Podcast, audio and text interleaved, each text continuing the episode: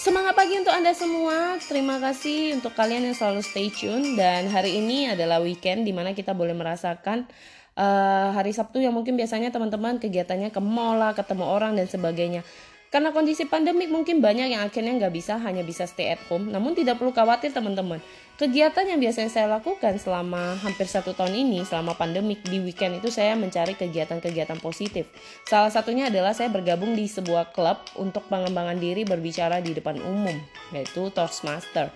Nah teman-teman hari ini saya belajar melalui Toastmaster ini. Saya mengasah diri saya.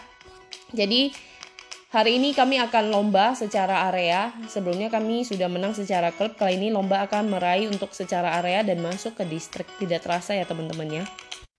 Nah teman-teman, uh, hari ini saya merasakan ketegangan yang kalian rasakan di mana kalian diminta speech dan sebagainya. Padahal mungkin teman-teman hanya speech biasa. Ini saya rasakan yang di saat lomba benar-benar tegang banget.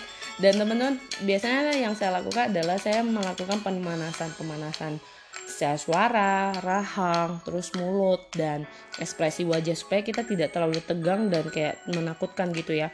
Nah, teman-teman tidak perlu khawatir, tidak perlu pikir apa-apa. Kadang apa yang kita pikirkan belum tentu terjadi. Jadi lakukan aja perform yang terbaik.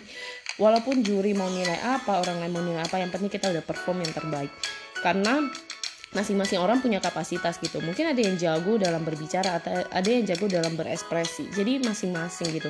Karena dari kelebihan itulah yang menutupi segala kekurangan yang membuat kita jadi lebih percaya diri.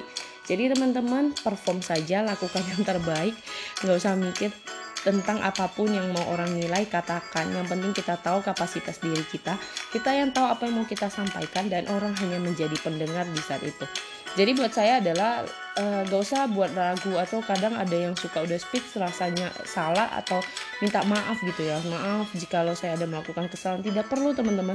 Karena justru di situlah jadinya orang mencari kesalahan yang sebenarnya mereka tidak ketahui gitu.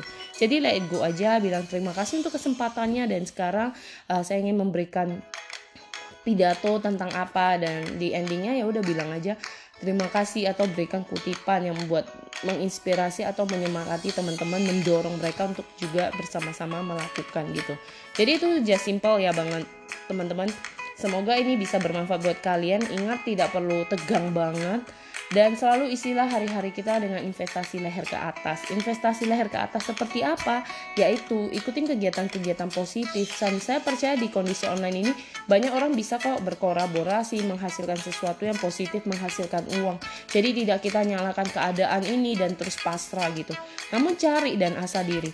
Dan hari e, di situlah saya baru menemukan benar-benar istilah jati diri cie.